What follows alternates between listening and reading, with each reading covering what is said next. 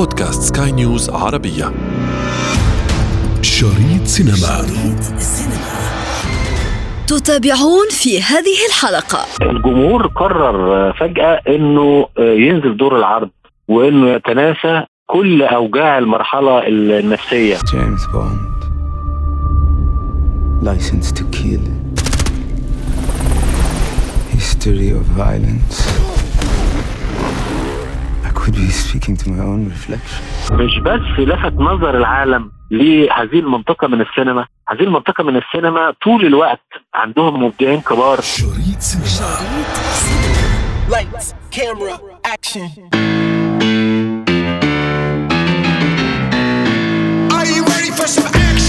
منذ أشهر وأنا أتابع تطور صناعة السينما الذي كان بطيئا من تبعات كورونا. لاحظت مؤخرا أننا بتنا نشاهد أفلاما ذات جودة عالية ما جعلنا ننبهر بإيراداتها حول العالم. بإمكانكم معرفة المزيد إن تابعتمونا. أنا ابتسام العكريمي وهذه حلقة جديدة من بودكاست شريط سينما على سكاي نيوز عربية. لا تفوتوا الأمر. شريط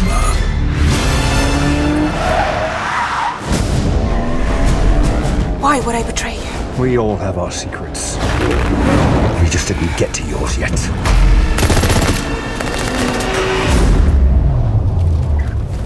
السينما تتعافى من داء كورونا الذي كلفها ملايين الدولارات من جراء إغلاق دور العرض وتأجيل تصوير عدد كبير من الأفلام التي كان ينتظرها الجمهور لن نطيل كثيرا عليكم نحدثكم عن الإيرادات الهائلة التي حققتها الأفلام. من مصر الناقد السينمائي خالد محمود. هذه الظاهرة أنا سعيد بها جدا. الجمهور قرر فجأة إنه ينزل دور العرض وإنه يتناسى كل أوجاع المرحلة النفسية. وده قرار كان مهم إن أنت تتجاوزي مرحلة وترجعي تشوفي الفيلم داخل قاعة العرض. وده شجع المنتجين والموزعين اللي كانوا عندهم مخاوف إن هم ينزلوا أفلامهم الكبيرة طوال الفترة الماضية إن هم يطرحوا أفلامهم. لكن كمان كان من الذكاء إنه إيه هي النوعية اللي أنا أقدر أطرحها فتجيب إقبال جماهيري كبير؟ وبالتالي كانت مثلا نوعية المعارك القصص الإنسانية الخيال العلمي الأكشن الخاص زي الجزء الجديد بتاع جيمس بوند. فهم كانوا أذكياء. أصحاب الأفلام كانوا أذكياء في طرح نوعية معينة من الأفلام الكبيرة للنجوم وذات الإيرادات الكبيرة اللي تقدر تكسر بيها حاجز إن دور العرض يجب أن يعود لها الجمهور من جديد. آه وهي في الحقيقة أفلام آه كويسة. فنقدر نقول السبب الأولاني لهذه الانتعاشة الكبرى في إيرادات السينما على مستوى العالم إنه رغبة الجمهور في العودة إنه يمارس حياته بشكل طبيعي في المشاهدة. نمرة اثنين نوعية الأفلام وذكاء اختيار تلك النوعية في طرحها في دور العرض. لك أن تتخيلي إنه في مثلا خمس أفلام تجاوزوا ال 3 مليار دولار في السوق. في جزء ما نقدرش نغفله إنه الصين. دور العرض في الصين والإنتاج الصيني والكوري أصبح ليه جماهيرية كبيرة جدا. واصبح بيتحكم في الرقم اللي بيتحقق في شباك الإيرادات. الفيلم الكوري مثلا المعركة في بحيرة تشانجن ده مثلا وصل حوالي 900 مليون دولار رغم إنه اتكلف 200 مليون دولار بس. ده طبعا راجع لأنه في ناس بتحب مشاهدة القصص اللي في زمن الحرب الكورية وهذه الحرب القديمة الملحمات.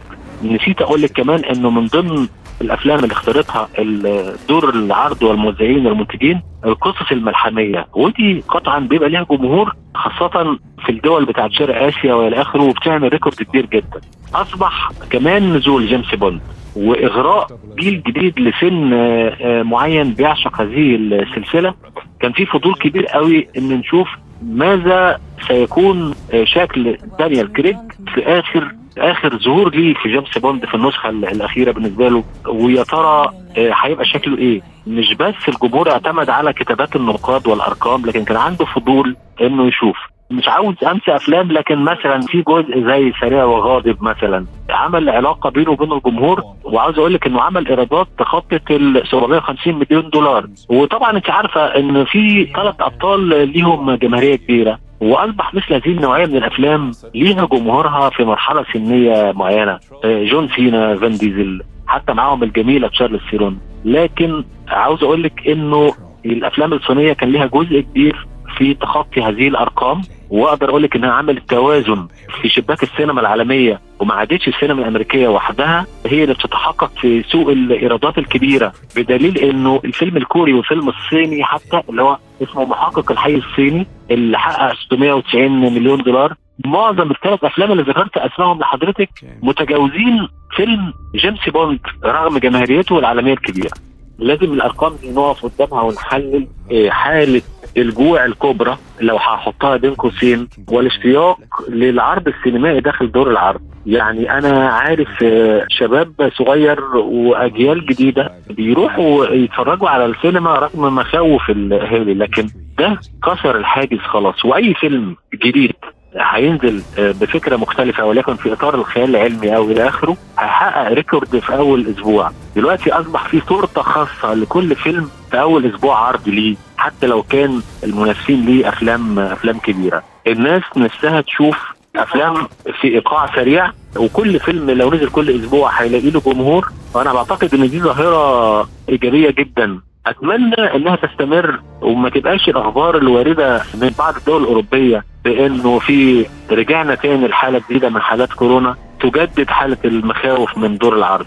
أتمنى ان تكون هذه الأخبار يعني تتلاشى بسرعة. كمان آه، يعني عاوز أقول لك إنه آه، هذه النوعية حدث توازن في ظل إن المهرجانات الكبيرة ابتدت تعرض أفلامها وتقيم دوراتها على على استحياء دي اللي عاملة حالة توازن شوية. حتى مش الجمهور العادي كمان النقاد كمان نفسهم يشوفوا آه، أفلام في ظل مرحلة شهدت عدم السفر وعدم إقامة آه، بشكل لايف حقيقي الكثير من المهرجانات عاوز أقول إنه النظره الإيرادات ما عادتش مقتصرة على آه، منحنى واحد اللي هو التخطيط الهوليودي في مناطق متفرقة من العالم. دلوقتي بقت في سينمات أخرى عندها قوة جذب كبيرة في مقدمتها الصين وكوريا وحتى اليابان. دخلت آه، معترك سوق الإيرادات. شريط سينما. 飞机肯定会巡逻这一带，等我直击着现场地方躲起来，天黑再出发。雷公，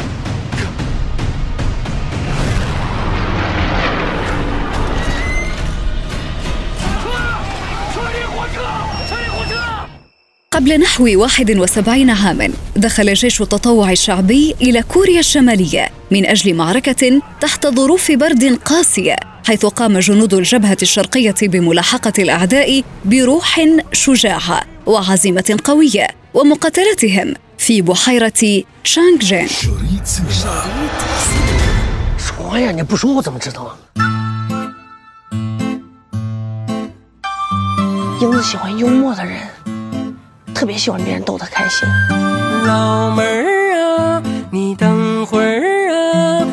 هاي مام فيلم صيني آخر يحقق إيرادات قدرت ب 822 مليون دولار. أمر مذهل فعلا. فالسينما الصينية وغريمتها الكورية ترعبان صناع السينما خاصة بعد مسلسل Squid Game الذي أمطر بالأرباح على Netflix. في ظل انتشار المنصات الإلكترونية أصبح المسلسل ليه عناصر جذب كبيرة والافلام ليها عناصر جذب كبيرة. وأصبح الجمهور أمام المنصات ما بقاش يفرق قوي بين إنه هل بيتفرج على فيلم ولا مثلا مسلسل من خمس ست حلقات يعملوا انقلاب في أفكاره وفي خياله وفي تفكيره. دول شكلوا. أنا أزعم إنه رغم مساوئ فترة كورونا أزعم إنها إعادة تشكيل خيال ووجدان والمتلقي. وخلت عنده ثقافة مختلفة وخلت رؤيته للسينما كمان تبقى مختلفة. إنه بقى دلوقتي يختار السينما اللي هيقدر يروحها. يعني بقت فيه ركائز كده أساسية وعلامات مضيئة. أيضا فيلم براسيت هو مش بس لفت نظر العالم لهذه المنطقة من السينما. هذه المنطقة من السينما طول الوقت عندهم مبدعين كبار ولكن سطوة الآلة الإعلامية الهوليودية هي اللي كانت حاجبه الرؤية على انتشار وخروج أسماء كبيرة جدا. ربما يرجع الفضل المهرجان زي مهرجان كان مثلا أو برلين في ان هم بيتبنوا المخرجين الموهوبين اللي عندهم فكر عظيم جدا ويقدموهم للعالم. لكن إذا الموهوبين دول ما قدروش يمشوا في سبيل الإنتاج الكبير. مش هيقدروا يوصلوا للعالم مهما كان آه، قدر نبوغهم في السينما. ولذلك الصين أدركت المسألة مبكرا. عملت مدينة تضاهي هوليود وأكثر عملت استديوهات كبيرة وابتدت آه، الاستديوهات في هوليود تعمل صفقات مع الصين من أجل إنها تصور عندها ومن أجل أنها تضمن إن فيلمها هيوصل دور العرض الصينيه اللي هي بالملايين والألاف علشان تضمن نسبة توزيع وريكورد كبير. دلوقتي الطرف الصيني قاعد حاطط رجل على رجل والطرف الهوليودي هو اللي بيسعى للتفاوض على كل المستويات. مستويات التصوير جوه الأراضي الصينية مستويات العرض داخل دور العرض الصينية مستويات الإنتاج المشترك. وبالتالي ممكن يغيروا اسم أو اثنين زي كلوي تشاو مثلا إن هو ينتجوا لها أفلام مع نجوم من نجوم هوليود بحيث تبقى عملية ال mix مش بغرض إن أنا بقف جنب هذه النوعية من السينما بقدر ما أنا لازم يبقى ليا تواجد في العالم واسير وفق المفردات الجديدة دي. The world has a way of changing. And we change too. There are moments that separate us. But we always come back together.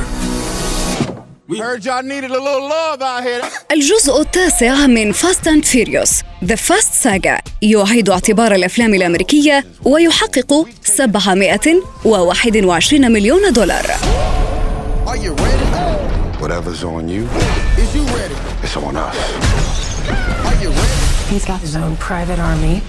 الجيل الجديد إذن من الجماهير المتعطشة لجودة عالية وإبهار في الصورة والقصة التي تشد كيان المتفرج وتجبره على مشاهدة الفيلم إلى الآخر واستجابة صناع السينما لهذه المعايير كلها عوامل مساعدة لما رأيناه من إيرادات. اللي بيصنع أفلام ده لازم يحط في اعتباره لاي مدى وصل فكر المتلقي.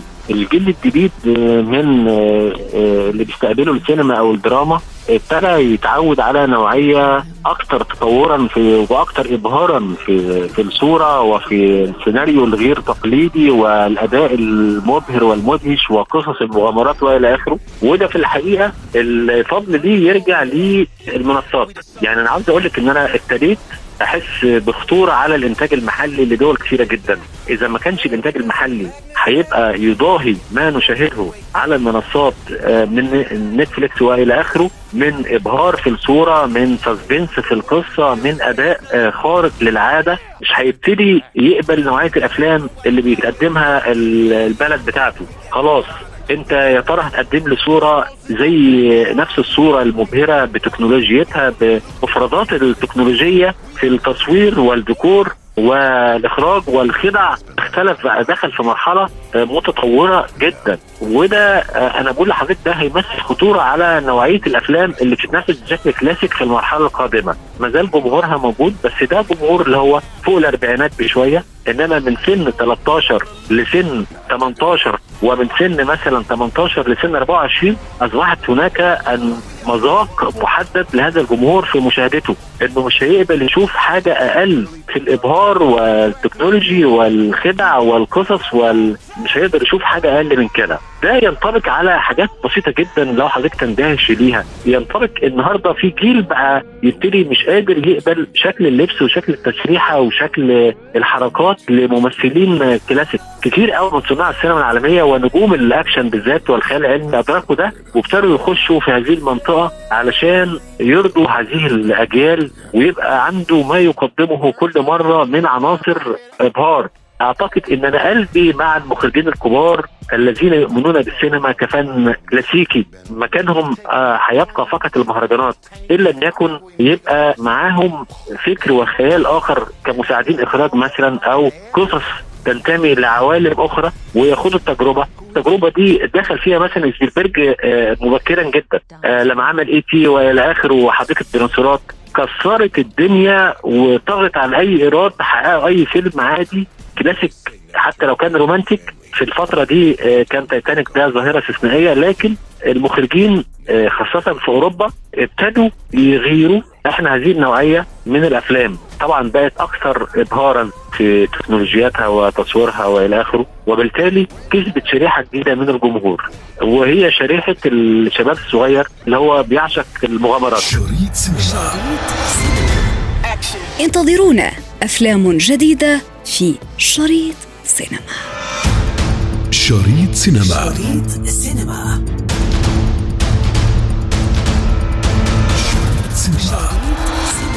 في ختام حلقتنا من شريط سينما ضمن منصة بودكاست سكاي نيوز عربية. نذكركم بمتابعتنا والاستماع لنا عبر تحميل منصاتنا المختلفة من البودكاست التي تجدونها على أبل ستور وجوجل بلاي كنت معكم في التقديم أنا ابتسام العكريمي ومن إخراج نويل بولوس.